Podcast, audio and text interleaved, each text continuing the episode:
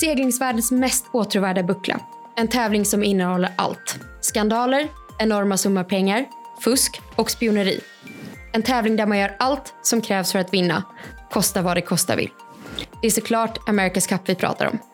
Välkommen till Searchpoddens cupspecial. Premiäravsnitt Johan, hur känns det? Kul, sjukt kul. Men eh, vi kanske borde inleda med att presentera oss.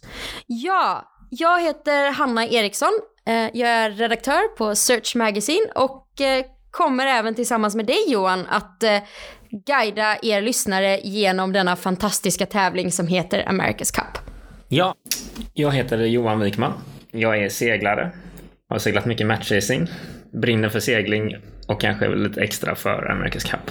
Ja, och du har ju skrivit väldigt mycket om America's Cup för Search, eller hur? Ja, verkligen. Det har jag gjort. Eh, och eh, det är en av anledningarna till att jag är väldigt exalterad för den här podden. För när man skriver om en artikel som ska in i tidningen så är det väldigt viktigt att det man skriver är underbyggt och att man har konfirmerat liksom det man mm, skriver. Men här hoppas jag, för America's Cup består så mycket av så mycket mer än det som kanske syns på ytan och det som läggs ut i pressreleaser. Det är mycket skvaller, det är mycket snack bakom eh, kulisserna. Och det hoppas jag att vi ska kunna lyfta fram lite extra. Det är lite smaskiga om America's Cup. Så du ser chansen nu framför dig att få verkligen grotta ner dig i eh, Sailing Anarchys forum och... Precis, och att eh, få ge lyssnarna lite, lite snacket bakom kulisserna som då också ofta är snack och skvaller som ja, kanske inte alltid är helt bekräftat men det finns ändå en, en substans i det kanske. Så att eh, lite med glimten i ögat prata lite mer om eh, kuppen och dess eh, händelser. Ja, och på tal om händelser. America's Cup är ju nästan lika stort som OS. Det sker vart fjärde år. Och eh, var är vi nu i denna fyraårscykel? Ja, men nu är vi ungefär halvvägs in i cykeln. Det är ju i princip två år sedan som eh, vi fick en segrare i föregående eh, America's Cup. Och i samma ögonblicket som man får en segrare i America's Cup då får man också eh, försvararen för nästa America's Cup. Och försvararen är ju det viktigaste teamet för det är de som sätter reglerna, spelreglerna för kommande America's Cup.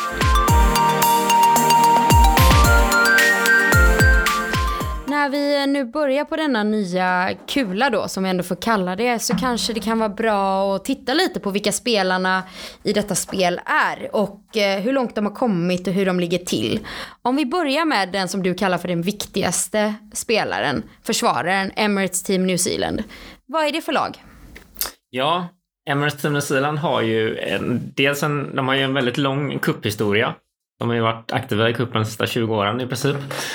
Och eh, de är ju lite av en färgstark spelare skulle jag säga. Eh, de har ju Grant Dalton som huvud eh, som leder teamet och han är ofta ganska frispråkig i, i media om vad han har för åsikter om, om kuppen och motståndarna. Ja, och de har ju kört mycket på det här att de har varit lite av ett underdog-team. Men när man tittar på laguppställningen så känns det väl inte riktigt så längre. Nej, eh, jag skulle säga eh, precis. De, de har nog alltid velat se, liksom, sy, bli sedda som den här ja, hårt arbetande underdoggen som inte har samma resurser som alla andra bortskämda miljonärs, miljardärsteam. Men nu är de ju, dels är de som försvarare så är det ju faktiskt de som sätter spelreglerna. Och bara det i sig är ju en, en stor fördel. Och eh, varför är det en fördel? Jo, men det är ju de som skriver regeln då som ska styra, eller de ska ta fram protokollet som det kallas. Eh, och det är den som liksom styr hur upplägget av den, den här upplagan av Mexico ska se ut och vad det är för spelregler som gäller, vilka båtar man ska segla och så vidare. Så om man vinner får man alltså bestämma hur nästa omgång ska se ut? Exakt. Sen gör man det på pappret ihop med den utmanare som är The Challenger of Record. Men det är, man har nog ändå, försvararen har den absolut största makten över tävlingen. Det kan man säga ändå. Och som en lite snygg övergång där så kanske det passar lämpligt att prata om The Challenger eh, Record. Eh, Luna Rossa Challenge, sponsrad av Prada. Mm. Och då även mannen bakom Prada, Patricio Bertelli, som är en eh, miljardär som varit väldigt engagerad i segling i många år. Och eh, ja, det har varit lite tyst om dem det sista här. Man har inte hört så mycket och det kanske man inte i sig behöver betyda så mycket för de, de är inte så kommersiella så de kanske inte har det drivet riktigt att synas mycket. Men man får ändå känslan av att de inte ja, är riktigt eh, på samma nivå som de andra utmanarna. Men det är bara en känsla. Vad grundar du denna känsla på? Jag vet inte, nu kanske jag tolkar in för mycket här, men för någon månad sedan så gick Patricio Bertelli ut och kritiserade regeln, eller båt, ja, regeln kring båten, klassregeln. Som de ändå var med och utformade. Exakt. Och menade då att ja, hade vi inte tagit fram den här båten, hade ni bara lyssnat på mig så hade vi tagit fram billigare båtar och då hade fler utmanare varit på plats och så. Eh, jag vet inte, men det känns lite sådär som att det är väl, ja, det kanske kommer någonstans ifrån att han är frustrerad över hur det går för dem med den här nya båten. Då. Men som sagt, här sitter jag och spekulerar lite hejvilt. Men eh, så kan man tolka det. Ja, vi spekulerar ju tillsammans. Ja. Och några av dem vi ska fortsätta spekulera om det är ju då nästa utmanarlag.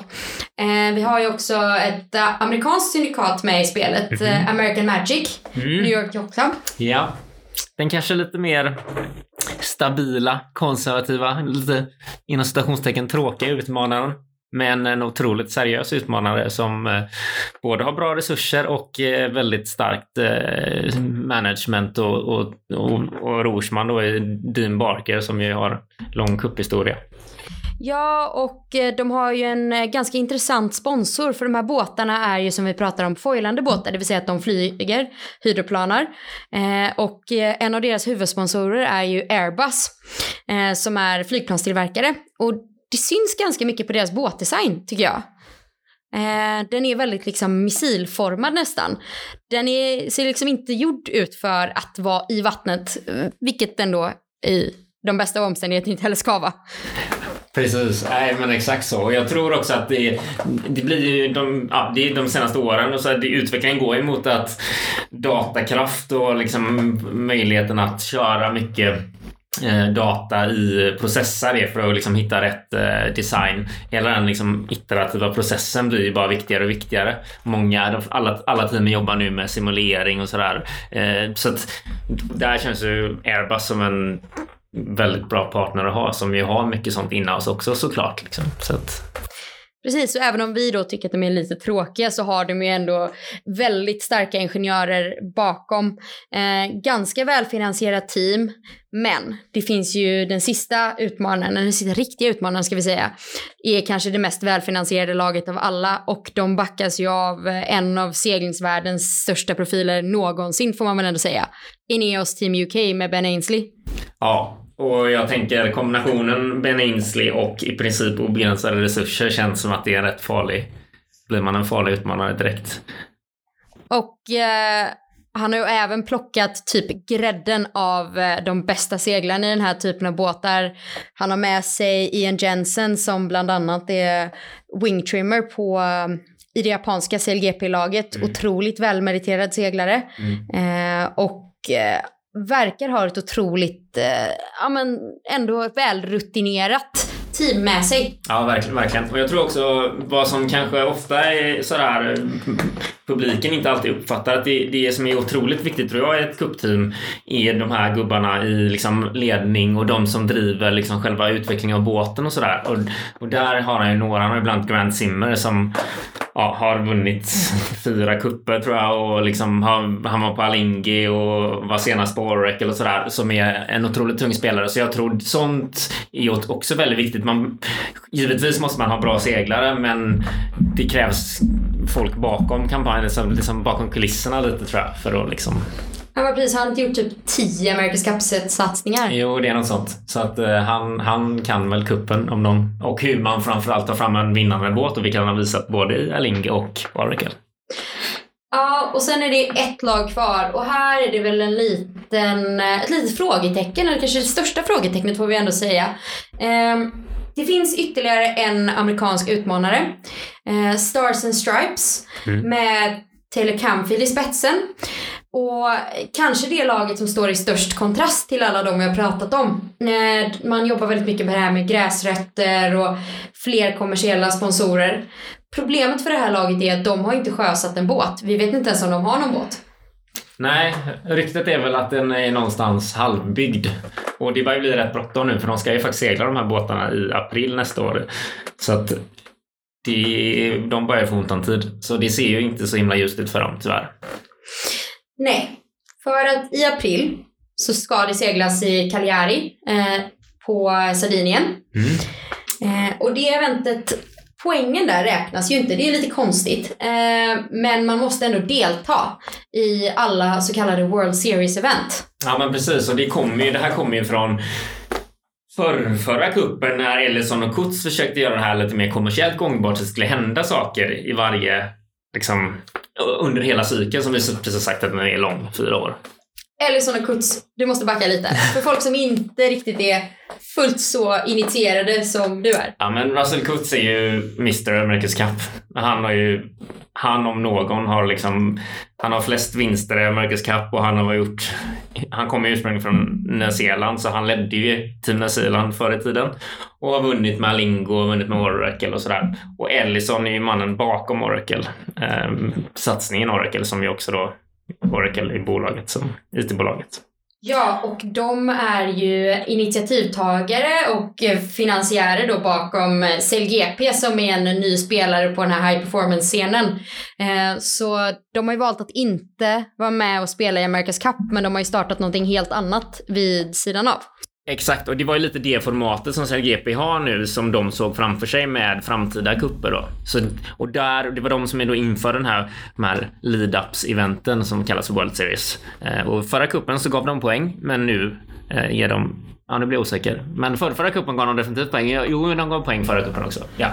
Men i år är det alltså, det räcker att vara där, att delta. Eh, men det kommer inte räknas. Utan det som faktiskt räknas är ju då Prada Cup som är eh, den tävlingen som bestämmer vem som får bli utmanare som får gå in och utmana Emirates Team New Zealand i det som är America's Cup.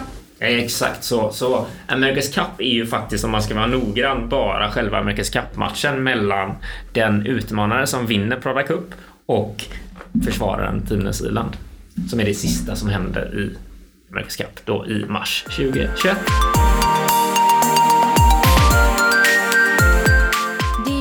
långt kvar tills eh, det här ska avgöras kan tyckas. Men om vi nu ska spekulera lite, för det är trots allt det vi är här för att göra. Vem håller du som eh, favorit eh, så här nu i detta relativt tidiga skede? Uh, ja, det är verkligen svårt att säga. Det var länge sedan som kuppen kändes så här jämn. Jag menar alla försvar, eller alla utmanare är verkligen starka utmanare. Sådär. Eh, men ja, om man måste tippa så det är klart försvararen har ju alltid lite fördel för de sätter spelreglerna och de framförallt nu då har ju lite, lite mer tid på sig än vad de andra har. I och med att de inte ska vara med i Prada Cup så får de lite extra tid. Så att Ja, Tina Zeeland är, jag tror de kommer bli svåra att slå helt enkelt. Eh, och så, no, ja, jag tror Tina Zeeland. Du säger att tid är viktigare än pengar.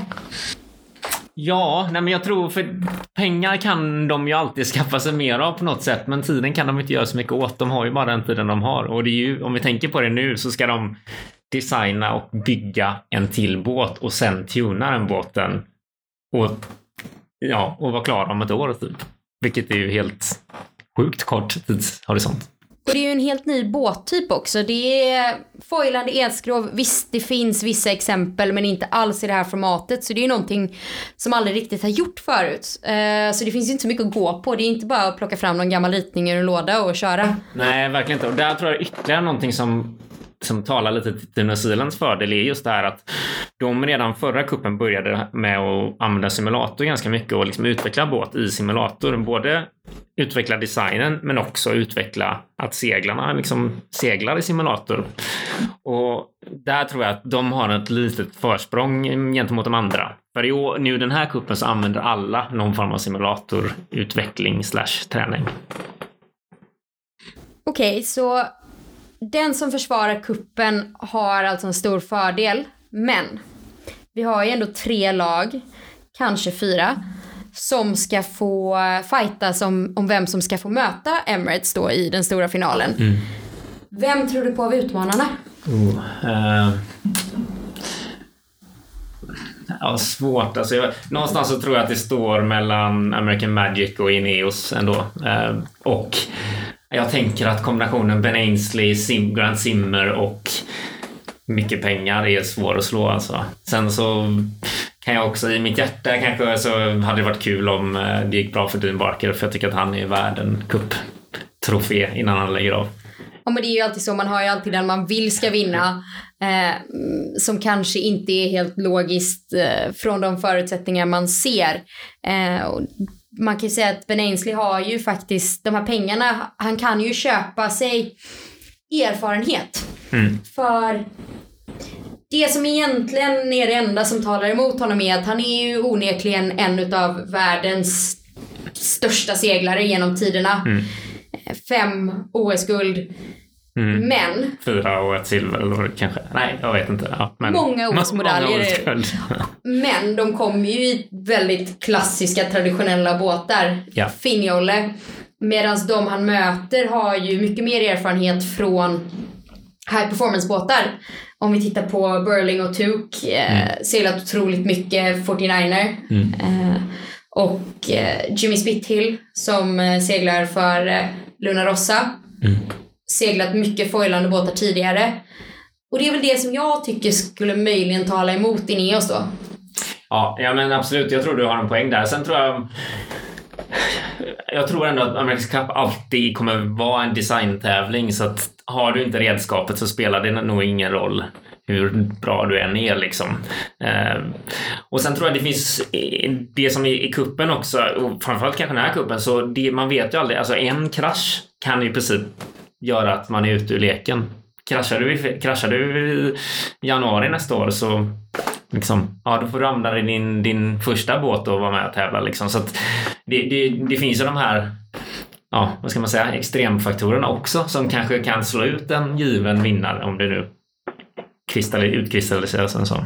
Ja, för det är ju inte bara att bygga en ny båt. Man får alltså bara bygga två båtar. Mm. Och man får egentligen inte matcha dem mot varandra. Nej, det får man inte. Utan de får, ju, de får inte liksom organiserat linea upp mot varandra. Sen så spionerar de ju otroligt mycket på varandra.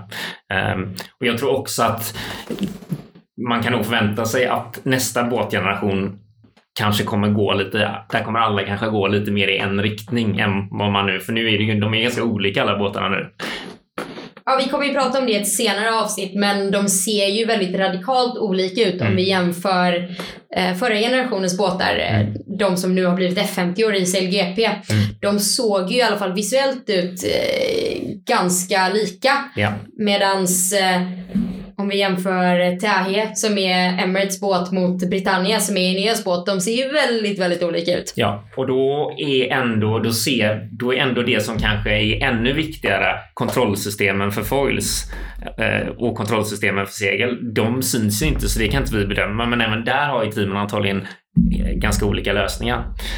Det har lagts många ingenjörssimmar i de här båtarna. Det har det gjorts.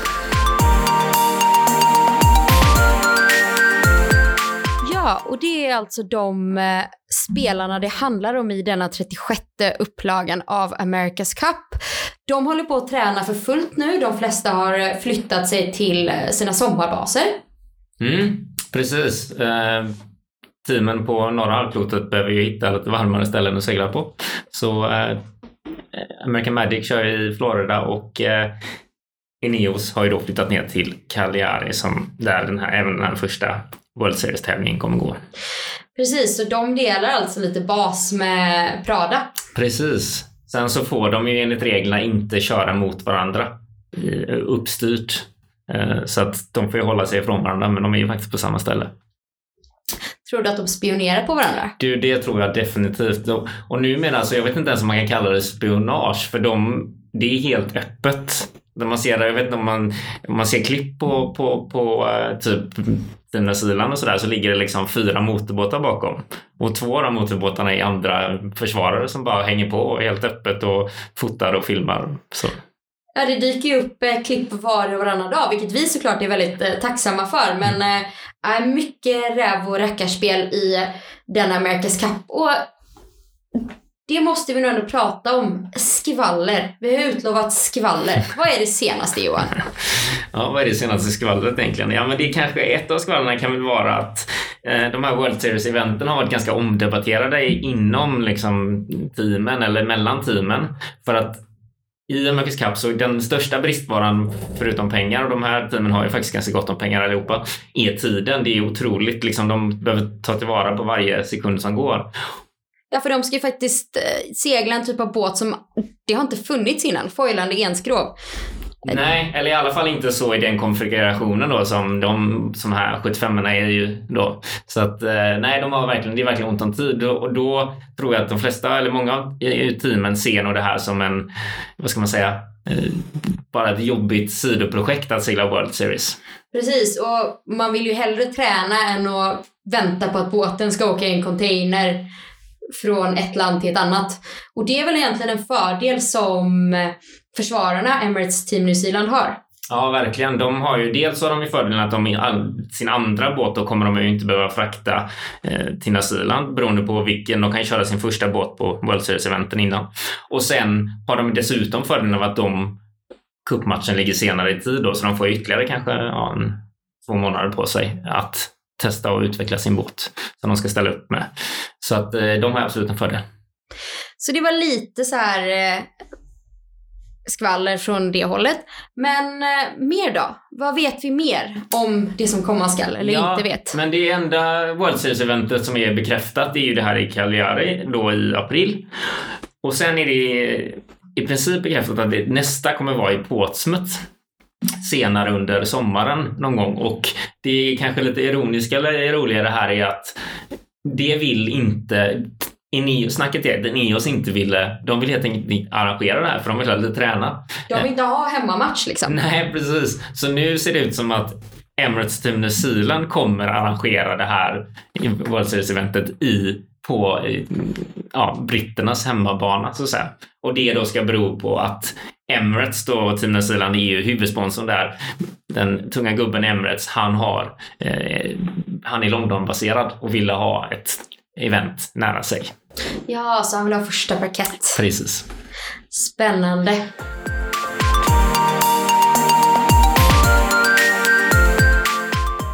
Som ni märker så finns det ju otroligt mycket att grotta ner sig om gällande America's Cup. Men jag tror faktiskt att eh, vi ska runda av premiäravsnittet eh, i denna special här och nu, för vi har ju faktiskt ytterligare avsnitt att se fram emot. Så Johan, vad ska vi prata om i nästa avsnitt? Ja, men då tänkte vi prata lite mer om historien bakom America's Cup. Det är ju en otroligt historisk tävling, så det är värt att nämna lite. Och sen även kanske kika lite mer på reglerna kring det, vad det är som styr tävlingen. Ja, men det låter alldeles, alldeles strålande. Eh, tack och hej från oss. Tack och hej.